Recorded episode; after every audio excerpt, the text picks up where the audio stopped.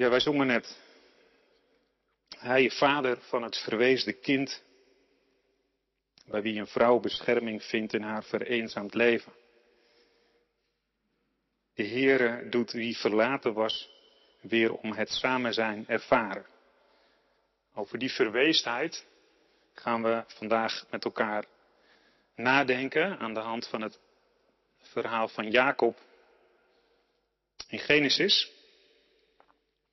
We gaan een heel stuk lezen over zijn familiegeschiedenis. Wat de familiegeschiedenis is van Jacob, maar het volk Israël leest daarin ook zijn eigen ja, ontstaansgeschiedenis. Genesis betekent ook het ontstaan van een volk.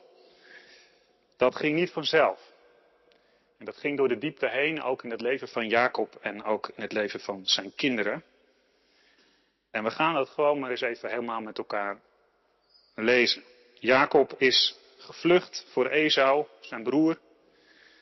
Hij heeft Esau bedrogen. Hij is weg van zijn vaderland. Heeft een droom gehad bij Bethel. En is nu op weg naar, uh, nou ja, waar hij naast van zijn moeder naartoe moest gaan, de familie van Laban. De familie Laban. En is daar net aangekomen, is er in gesprek met een aantal herders en die spreken hem dan over Rachel. En daar beginnen wij te lezen, hoofdstuk 29, vanaf vers 9 en dan lezen we helemaal door tot 30 vers 22. Dus dat is een heel eind, maar goed, dat kan, denk ik. Terwijl hij, Jacob, nog met hen sprak, kwam Rachel met het kleinvee van haar vader. Zij was namelijk herderin. En het gebeurde toen Jacob Rachel, de dochter van Laban, de broer van zijn moeder, en het kleinvee van Laban, de broer van zijn moeder, zag dat Jacob naar voren liep, de steen van de opening van de put rolde en het kleinvee van Laban, de broer van zijn moeder, te drinken gaf. Jacob kuste Rachel en begon luid te huilen. Jacob vertelde Rachel dat hij een neef van haar vader was en dat hij de zoon van Rebekka was. Toen liep zij snel weg en vertelde het aan haar vader. En het gebeurde zodra Laban het bericht over Jacob, de zoon van zijn zuster, hoorde, dat hij hem snel tegemoet liep, hem omhelsde, hem kuste en hem naar zijn huis bracht. En hij vertelde Laban al deze dingen. Daarop zei Laban, inderdaad, je bent mijn beenderen en mijn vlees. En hij bleef een volle maand bij hem. Toen zei Laban tegen Jacob, omdat je familie van mij bent, hoef je toch niet voor niets voor mij te werken. Vertel mij maar wat je loon moet zijn. Nu had Laban twee dochters. De naam van de oudste was Lea en de naam van de jongste was Rachel. Lea had fletse ogen, maar Rachel was mooi van gestalte en knap om te zien. Jacob had Rachel lief. Daarom zei hij, ik zal zeven jaar voor u werken om Rachel, uw jongste dochter. Toen zei Laban, het is beter dat ik haar aan jou geef dan dat ik haar aan een andere man geef. Blijf bij me. Zo werkte Jacob zeven jaar om Rachel en de jaren waren in zijn ogen als dagen omdat hij haar lief had. Toen zei Jacob tegen Laban, geef mij mijn vrouw, want mijn dagen zijn om, zodat ik bij haar kan komen. Daarom verzamelde Laban, Laban al de mannen van die plaats en hij richtte een maaltijd aan en het gebeurde s'avonds dat hij zijn dochter Lea nam en haar bij hem bracht. En Jacob kwam bij haar. En ook gaf Laban haar slavin Silpa aan zijn dochter Lea, gaf hij haar als slavin. En het gebeurde s'morgens. Zie, het was Lea. Daarom zei hij tegen Laban, wat hebt u me nu aangedaan?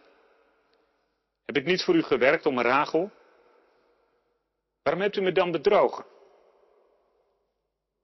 Laban antwoordde, zo doet men niet bij ons, dat men de jongste voor de eerstgeborene ten huwelijk geeft. Maar de bruiloftsweek van deze, maak de bruiloftsweek van deze dochter vol, daarna zullen wij je ook de andere geven, voor het werk waarmee je mij nog eens zeven jaar dienen zult. Dat deed Jacob en hij maakte de bruiloftsweek van deze dochter vol en daarna gaf Laban hem zijn dochter Rachel tot vrouw. Laban gaf zijn dochter Rachel zijn slavin Bilha als slavin. Hij kwam ook bij Rachel en ook had hij Rachel meer lief dan Lea. Hij werkte nog eens zeven jaar bij hem. Toen de Heere zag dat Lea minder geliefd was, opende hij haar baarmoeder. Rachel daarentegen was onvruchtbaar. Lea werd zwanger en baarde een zoon. Zij gaf hem de naam Ruben, want zij zei, de Heer heeft mijn verdrukking gezien. Voorzeker, nu zal mijn man mij lief hebben. Lea werd zwanger, weer zwanger en baarde een zoon. En zij zei, omdat de Heer gehoord heeft dat ik minder geliefd ben, heeft hij mij ook deze zoon gegeven. En zij gaf hem de naam Simeon. En nogmaals werd zij zwanger en baarde een zoon en zij zei, nu, ditmaal zal mijn man zich aan mij hechten. Ik heb hem immers drie zonen gebaard en daarom gaf men hem de naam Levi. Weer werd zij zwanger en baarde een zoon en zij zei, ditmaal zal ik de Heere loven. Daarom gaf zij hem de naam Juda en toen hield zij op met baren. Toen Rachel merkte dat zij Jacob geen kinderen baarde, werd Rachel jaloers op haar zuster en zei tegen Jacob, geef mij kinderen en zo niet, dan sterf ik. Toen ontstak Jacob in woede tegen Rachel en hij zei, neem ik soms de plaats in van God die jou de vrucht van de schoot onthouden heeft? En daarop zei ze, zie hier is mijn slavin Bilha, kom bij haar zodat zij op mijn knieën zal baren en ook ik uit haar nageslacht zal krijgen.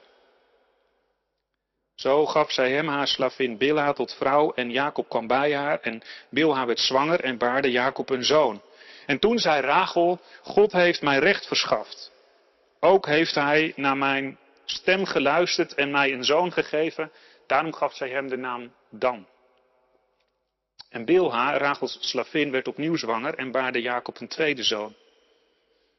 Toen zei Rachel, ik heb een zware strijd met mijn zuster gevoerd en ik heb ook gewonnen. Daarom gaf zij hem de naam Naphtali. Toen Lea merkte dat zij ophield met kinderen baren, nam zij haar slavin Silpa en gaf haar aan Jacob tot vrouw. En Silpa, de slavin van Lea, baarde Jacob een zoon. En toen zei Lea, het geluk is gekomen. En ze gaf hem de naam Gad. En vervolgens baarde Silpa, de slavin van Lea, Jacob een tweede zoon. En toen zei Lea, wat ben ik gelukkig. Want de vrouwen zullen mij gelukkig prijzen. En zij gaf hem de naam Azer. In de dagen dat de tarweoogst ging, Ruben erop uit en hij vond liefdesappels in het veld die hij bij zijn moeder Lea bracht. Toen zei Rachel tegen Lea, geef mij toch wat van de liefdesappels van jouw zoon.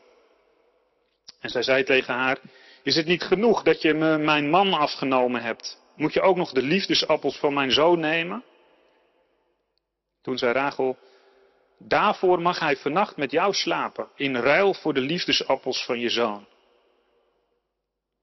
Toen Jacob s'avonds van het veld kwam, ging Lea hem tegemoet en zei, je moet bij mij komen, want ik heb je eerlijk gehuurd voor de liefdesappels van mijn zoon. En daarom sliep hij die nacht met haar. En God verhoorde Lea. En zij werd zwanger en baarde Jacob een vijfde zoon.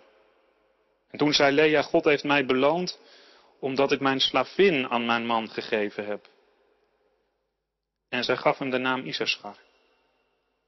En Lea werd opnieuw zwanger en zij baarde Jacob een zesde zoon. En Lea zei toen, God heeft mij, ja mij, een mooi geschenk gegeven. Ditmaal zal, zal mijn man bij mij komen wonen. Want ik heb hem zes zonen gebaard. En zij gaf hem de naam Sebulon. Daarna baarde zij een dochter en gaf haar de naam Dina. God dacht ook aan Rachel. En God verhoorde haar. Hij opende haar baarmoeder en zij werd zwanger en baarde een zoon. En toen zei ze, God heeft mijn schande weggenomen. Zij gaf hem de naam Jozef en zei, mogen de Heer mij nog een zoon geven. Tot zover het woord van onze God. Kwetsbare kinderen worden kwetsbare ouders die kwetsbare kinderen voortbrengen.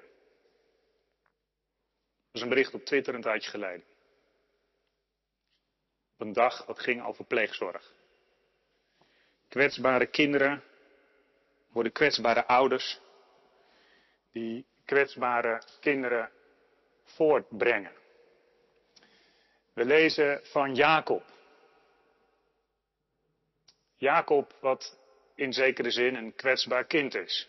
Een verweest kind, als je het verhaal een beetje kent, uit een gezin waar voorkeuren een rol spelen. Isaac hield meer van Esau en Rebecca hield meer van Jacob. En het is het begin van gedoe, wat maar doorgaat en wat maar door blijft spelen. Gebrekkige liefde van ouders en dat gaat door naar de kinderen. En dat merk je in het leven van Jacob. Hoe hij zelf omgaat met zijn eigen kinderen. Hoe hij zelf omgaat met zijn vrouwen. Daar zie je een mens die zelf ook weet wat gekwetst zijn is. Jacob die een soort speelbal is in dit verhaal. Ik weet niet hoe je het gehoord hebt, maar ik weet überhaupt niet of je het wel eens achter elkaar hebt gelezen, maar als ik dat dan doe, dan denk ik, jongen, wat gebeurt er toch allemaal met die Jacob? Jacob die aan de ene kant zo bepalend is en zijn ding doet en de wereld naar zijn hand zet. Nou ja, in het verhaal van vandaag is hij een speelbal van allerlei machten en van allerlei belangen en zie je hem vooral falen. Het is een tragisch verhaal eigenlijk. Die hele ontstaansgeschiedenis van het volk Israël. Wat een familie wordt. Een tragisch verhaal over een gezin wat helemaal niet functioneert. En ik weet het, we leven in deze tijd, dus we kijken ook met een andere bril, maar in welke tijd je ook leest, je ziet dat gezin, dat functioneert niet zo heel erg vaak. Hoe kan dat ooit, hoe kan dat ooit goed komen? Hoe kan ooit die belofte die aan Abraham gegeven wordt, in jou zullen alle geslachten gezegend worden? Hoe zal dat ooit in die familie gaan gebeuren als er zoveel gedoe is?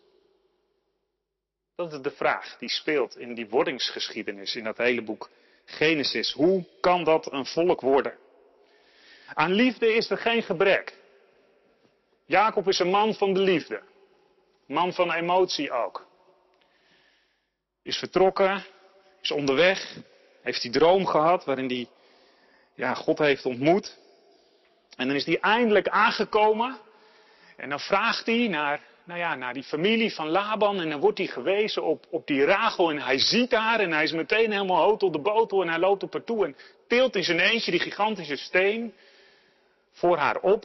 Jacob doet een keer wat voor iemand. Dat hebben we nog niet gelezen in het verhaal. Maar goed, dat is voor een ander moment. Maar hij doet wat, want hij, ja, hij wil zich misschien, ik weet niet. Hij houdt van er op liefde op het eerste gezicht tilt die steen op, vertelt en er komt een gesprek en nou ja, ze blijken familie te zijn. En dan meteen ook die tranen. Het staat er even snel. Hij huilt, hij barst in huilen uit, want het is ook nogal wat voor hem.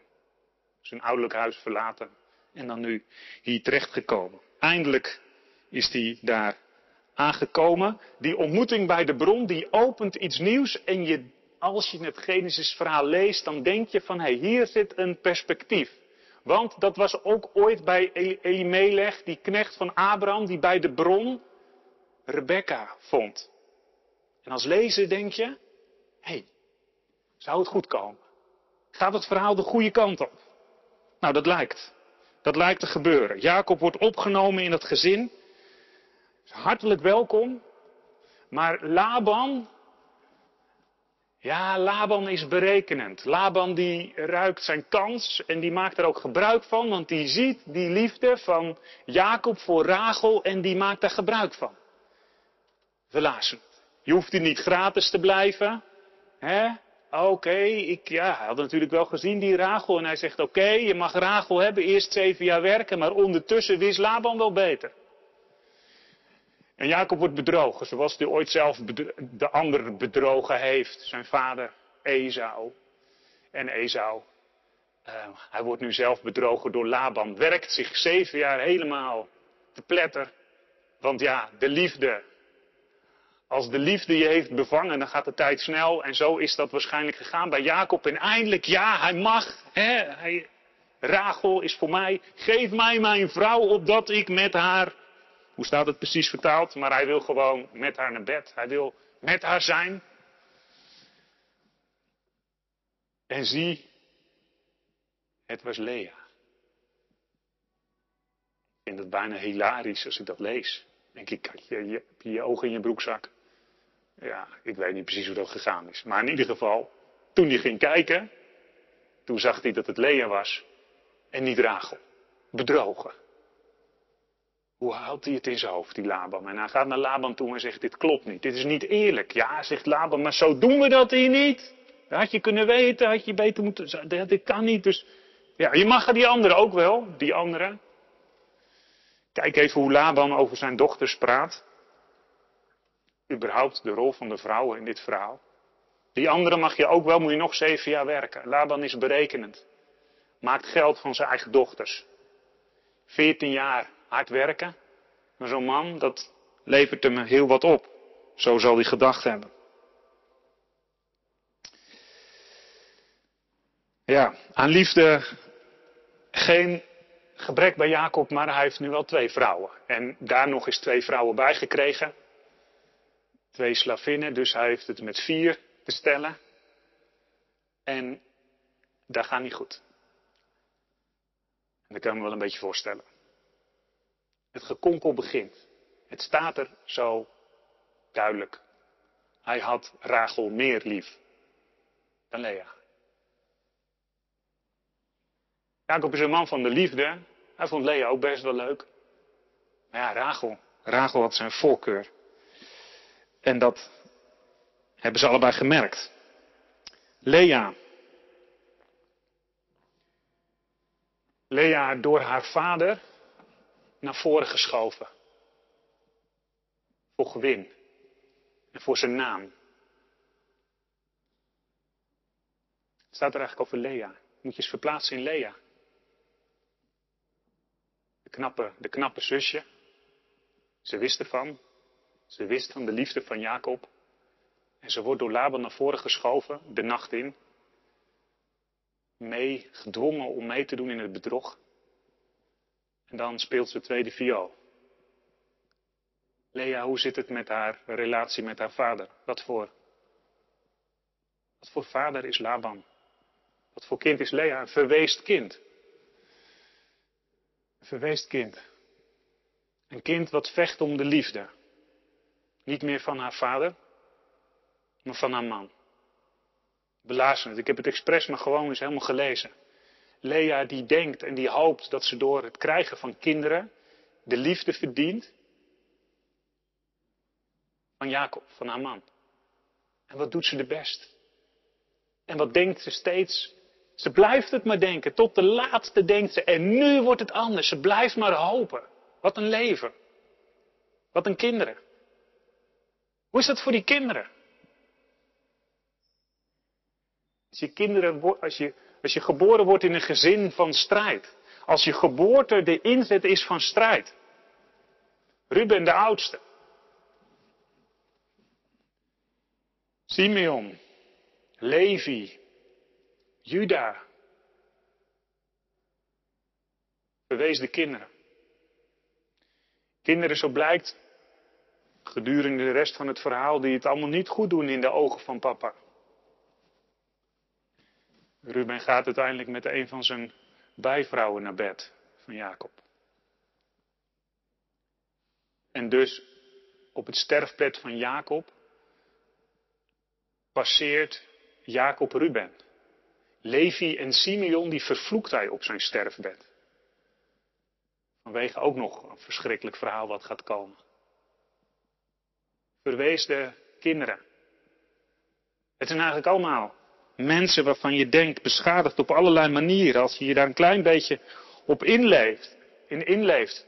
Rachel, hoe is het voor Rachel? Dan ben je de vrouw van de dromen van die man, maar dan kun je geen kinderen geven. En, geven. en in die tijd was het helemaal een drama. En dat blijkt ook voor Rachel.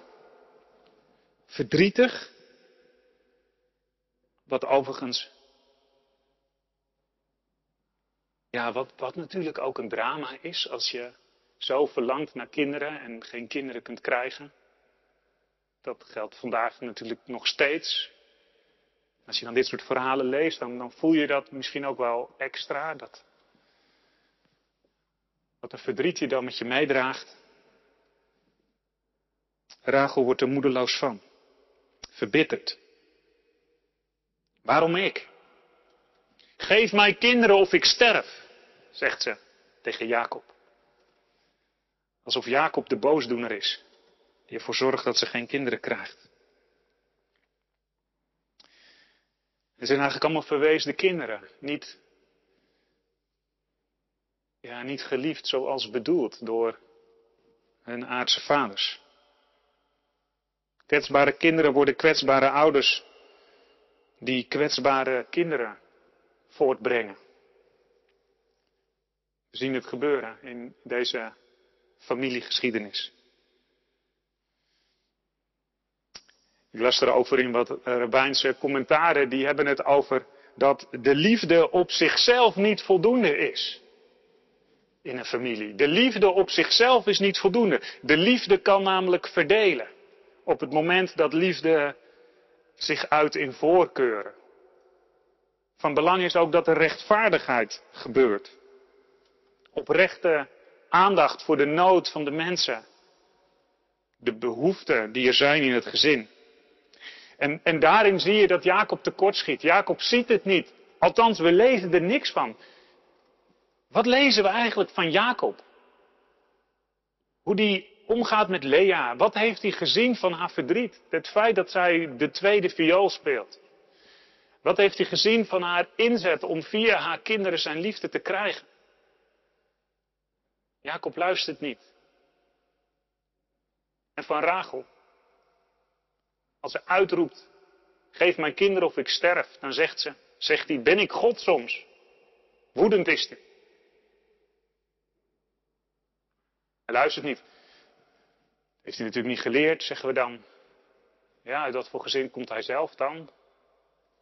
Hoe kun je dat dan zomaar anders doen?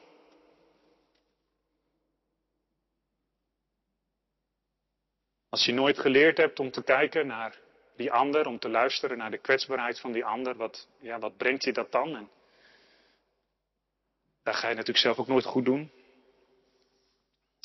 Ik denk dat het een, ergens een heel erg herkenbaar verhaal is. Wat je wellicht ook nog nooit op deze manier gelezen hebt. Misschien vind je het ook wel psychologisch allemaal. Maar het staat er wel. Het dient zich zo aan ons aan. En waar zit dan de herkenning?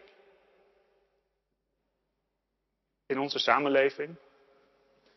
Misschien wel in je eigen familiegeschiedenis. Dat je ziet dat fouten doorgegeven worden. Dat bepaalde structuren maar blijven. En dat het zo moeilijk is om dat te doorbreken. Misschien ergens ook wel dat het liefde op het eerste gezicht was toen je haar of hem ontmoette en dacht vanaf nu wordt alles anders. Maar ja, het leven. En dan kan het in één keer ingewikkeld worden om werkelijk te blijven luisteren naar die ander en elkaar te blijven zoeken. En doe je dat dan? Doe je dat in een tijd waarin we eigenlijk allemaal het perfecte leven moeten hebben? Het is moeilijk om voor de dag te komen met je kwetsbaarheid. Toen ik uh, deze preek hield in de Nieuwe Kerk, had ik net via Mentimeter een onderzoekje gedaan over de coronatijd. Over dingen die in coronatijd gebeurd was. In die twee jaar, zeg maar. En een van de vragen die ik daarin stelde, een mijn relatie is stuk gelopen. In die twee jaar tijd was 20% in de nieuwe kerk. 20% van die mensen hebben in, in die twee jaar tijd een relatie die stuk gelopen is. Nou ken ik al die verhalen natuurlijk niet, maar, ik, maar dan voel je, je ziet elkaar, je ziet dat niet zo snel van elkaar, maar ondertussen, wat een gebrokenheid dragen we dan met ons mee, toch? Wat gaat er veel mis, terwijl je hier misschien wel in de kerk zit en gewoon vriendelijk glimlacht naar degene die naast je zit, maar ondertussen. Je komt ook uit een gezin. En je worstelt misschien ook wel, dat weet ik niet, hè, maar in een relatie die je hebt of had, of ten opzichte van je kinderen, hoe doe je het nou goed? Dat je zelf als ouder denkt, heb ik het wel goed gedaan? Als vader, als moeder, of, nou ja.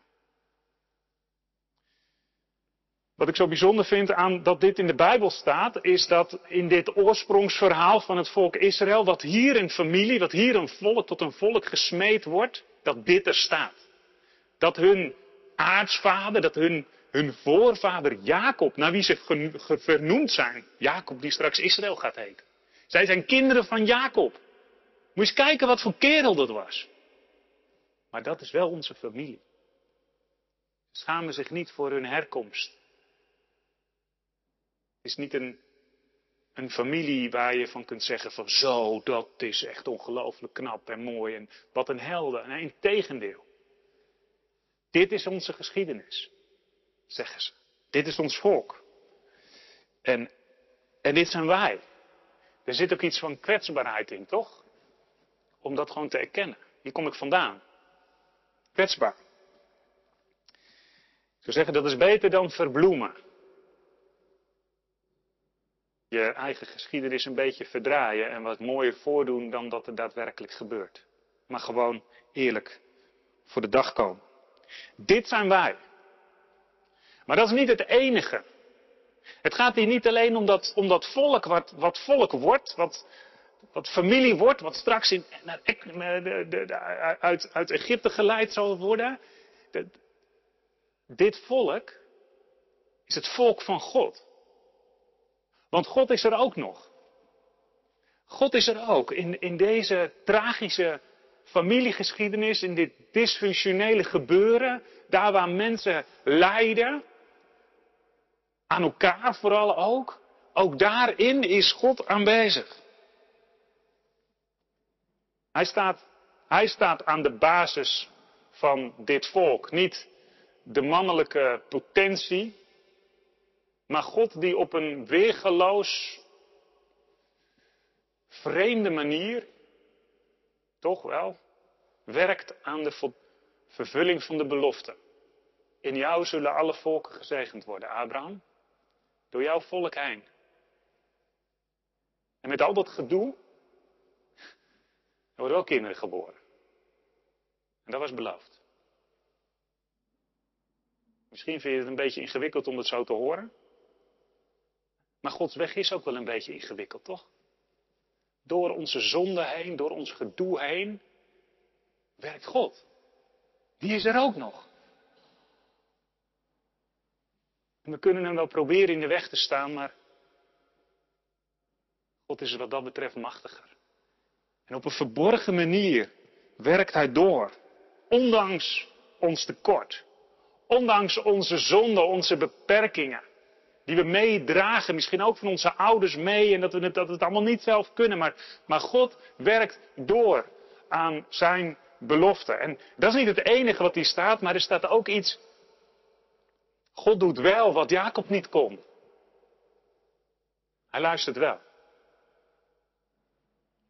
Hij hoort en hij ziet het verdriet van Lea. En hij zorgt ervoor dat zij kinderen krijgt. Dat staat.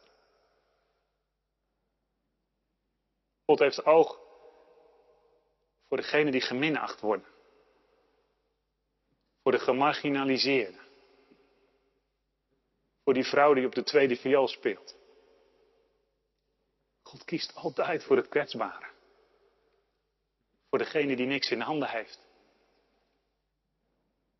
Ik vind het ook wel weer bemoedigend, toch?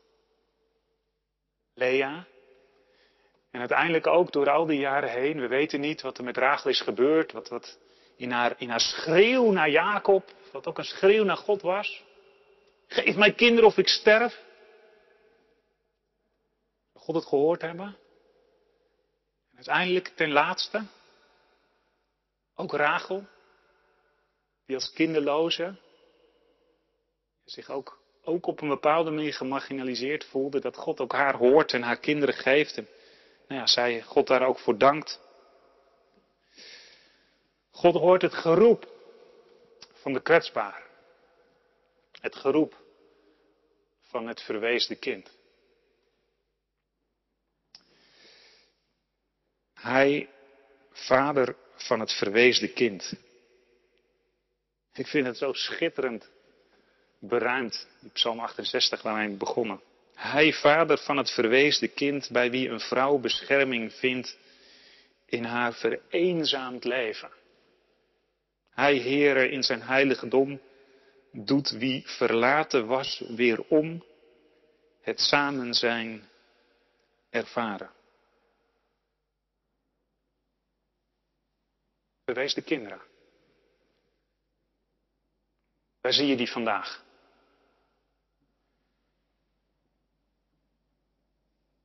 Waar denk je aan? Aan wie denk je? Mensen waarvan je merkt dat ze aan de rand van de samenleving zijn gekomen. Niet meedoen. Je denk je wel aan dak- en thuislozen. Verweesde kinderen. Hij, vader van het verweesde kind. Hij die de eenzame ziet. En die daarvoor door het vuur gaat. Zo is onze God. En die ze het samen zijn weer laten ervaren. Dat het niet de kerk? Als wij God de Vader kennen, dan kennen we het verlangen om verweesde kinderen welkom te heten. Mensen die niet meedoen. Mensen die weg, weet je, er buiten gesteld worden, dat we die weer gaan zien. Dat we bidden om het hart van de Vader, dat we dat zelf ook hebben naar die verweesde kinderen om ons heen. Verweesde kinderen, ik, ja, ik, denk dan, ik denk dan ook, vrij simpel misschien maar, aan al die kinderen die op wachtlijsten staan. In de jeugdzorg. Pleegkinderen. Las dat er 800 kinderen wachten op een gezin. Letterlijk. Een plek om te wonen. Hij vader van het verweesde kind. Misschien dat deze preek wel een duwtje in de rug kan zijn om er eens over na te denken. Heb ik ruimte? Ik ruimte in mijn huis? In mijn leven? Hoe kijk ik eigenlijk naar een verweesde samenleving? Als ik geloof in God, die mij daarin ook roept, steeds weer, ons als kerk, om mensen een plek te bieden. Het verweesde kind.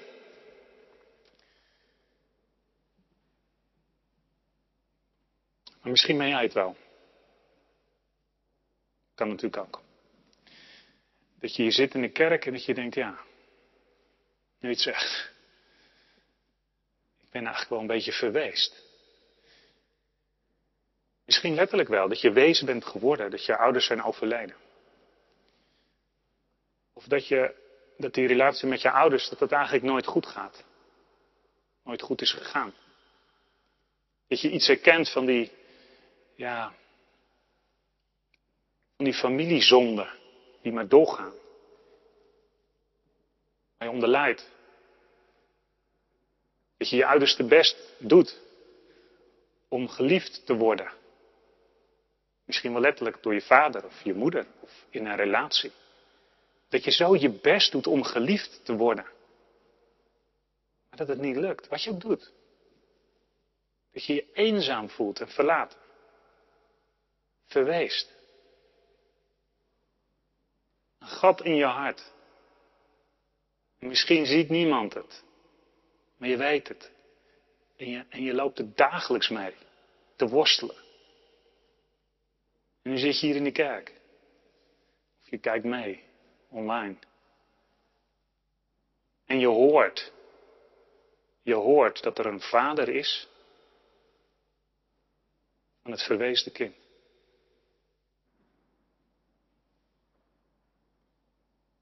Misschien denk je wel, dat is cliché, dat hoor ik te vaak. Nou ja, dan, dat is dan maar zo. Dat is, ja.